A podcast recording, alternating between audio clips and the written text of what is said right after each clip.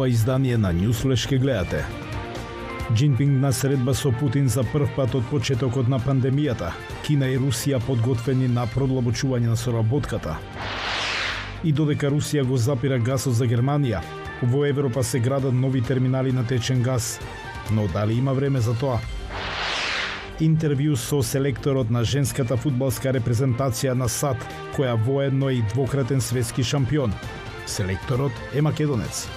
Останете со нас, ке дознаете повеќе, почнуваме веднаш. Поздрав од Вашингтон, ова е ТВ журналот Ньюс на гласот на Америка на македонски јазик, јас сум Јован Чономовски. Кинескиот председател ќе ја напушти Кина за прв пат по повеќе од две години по пандемијата и ќе отпатува во Централна Азија, каде што ќе се сретне со рускиот председател на само еден месец пред да го зацементира своето место како најмокниот кинески лидер. Неговото прво патување во странство од почетокот на пандемијата покажува дека е уверен и во неговата контрола на власта додека се движи кон трет мандат на функцијата и во неговата улога како светски лидер на Кина. Джинпинг во среда треба да престојува во државна посета на Казахстан. Кинескиот председател потоа ќе се сретне со Путин на самитот на Шангајската организација за соработка во античкиот град Самарканд. Кина го потврди патувањето во понеделникот. Помошникот на Путин за надворешна политика, Јури Ушаков и изјави на новинарите минатата недела дека рускиот председател ќе се сретне со Джинпинг на самитот, но Кремљ одби да даде детали за нивните разговори. Состанокот ќе му даде можност на Джинпинг да го нагласи своето влијание додека Путин може да ја демонстрира наклонетоста на Русија кон Азија и двајцата лидери може да го покажат своето противење на САД исто како што Западот се обидува да ја казни Русија за војната во Украина. Иако постојат историски противречности во партнерството, нема знаци дека Джинпинг е подготвен да се откажи од поддршката за Путин во најсериозната конфронтација на Русија со Западот одекот на студената војна. Кога веќе зборуваме за Русија, Русија го затвори гасоводот до Германија, а Европа и САД го, обвинија, го обвинија рускиот председател Владимир Путин дека покрај енергетската криза со овој потек расте и загриженоста за животната средина поради необјаснетото согорување на руски газ во близина на Арктикот. Еве ги деталите. Блиску до финската граница Русија согорува огромни количини газ. Иако палењето е вообичаено во индустријата, Русија веќе два месеци уништува газ во вредност од околу 10 милиони долари секој ден, додека Европа страда од недостиг. Експертите тоа го опишуваат како еколошка катастрофа.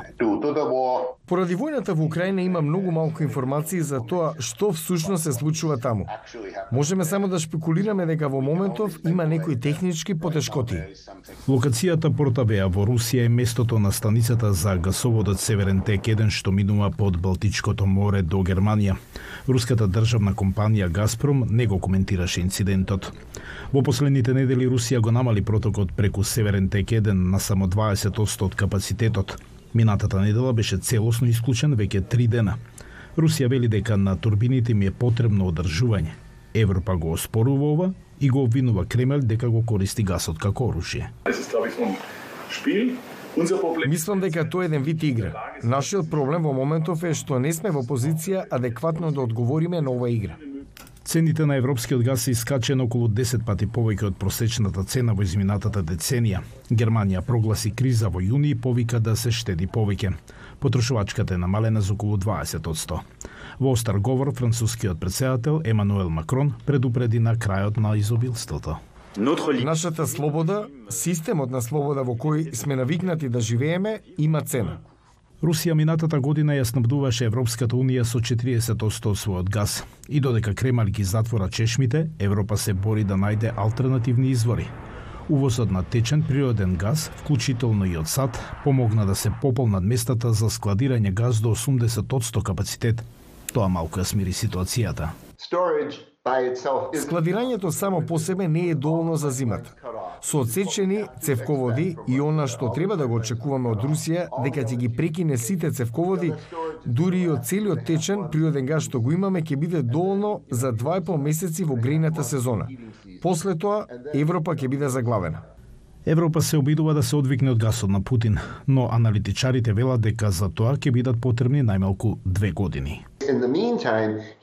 Во меѓувреме тој има моќ и ќе искористи се што може пред целосно да го загуби бизнисот. Зависноста на Европа од рускиот газ преку газоводот е многу поголема отколку да речеме важноста на тие пари за Путин, бидејќи тој заработува многу повеќе пари од нафтата. Низ Европа во изградба се нови терминали за течен природен газ. Повторно се палат старите нуклеарни и централите на јаглен.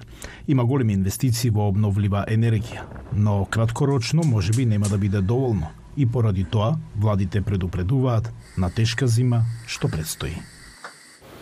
А македонецот Владко Андоновски како селектор на женската фудбалска репрезентација на САД, која е двократен светски шампион, вели дека освојувањето на првото место и натаму е императив за едно од најсилните фудбалски сили во светот. Со селекторот Андоновски разговараше Јане Бојаджиевски.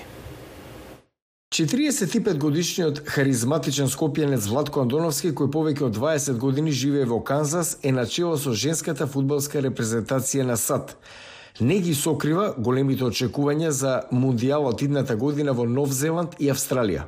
Очекувањата за за нашата репрезентација нормално е да да се биде прво место, но тоа но тоа е не, не затоа што се тоа се очекување на на домашната јавност, тоа се очекување на овој тим, моите лични очекувања.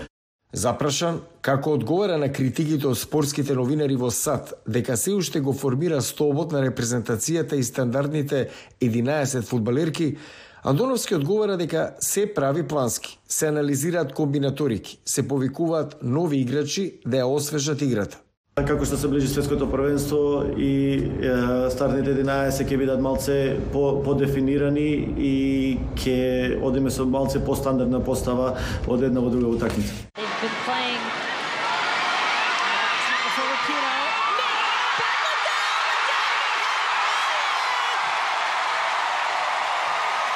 Неговите тактики имаат резултат. На последниот пријателски меч во Вашингтон, САД ги совлада Нигерија со 2-1 во игра каде целосно доминира американките.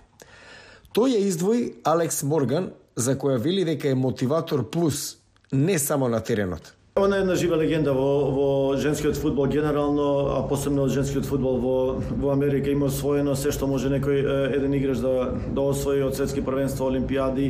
Правејќи споредба со развојот на женскиот фудбал во Македонија, вели дека и таму има квалитет, но културата и менталитетот е поинаква и подоцна е почнат овој спорт да се развива отколку во Америка, но резултатот ќе уследи. Ме радува фактот дека многу се инвестира во, во последно време, дека се инвестира во женскиот фудбал, се инвестира во женските, женските репрезентации и се надам дека многу брзо ќе видиме и успех.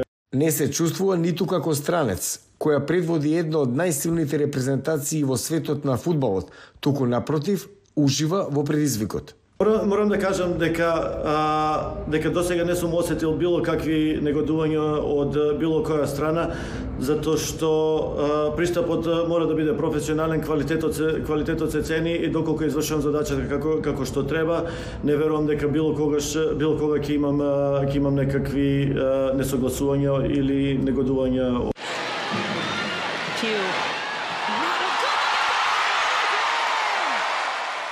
Вели дека фаворит му се САД, при што за гласот на Америка најави дека ќе биде дел и од стручниот штаб на машката репрезентација за Мундијалот во Катар. Иако македонската репрезентација не се пласираше на светското првенство, Андоновски смета дека се работи за одлична генерација фудбалери чие време допрва доаѓа. За сега, вели Владко, единствениот фокус му е репрезентацијата на САД.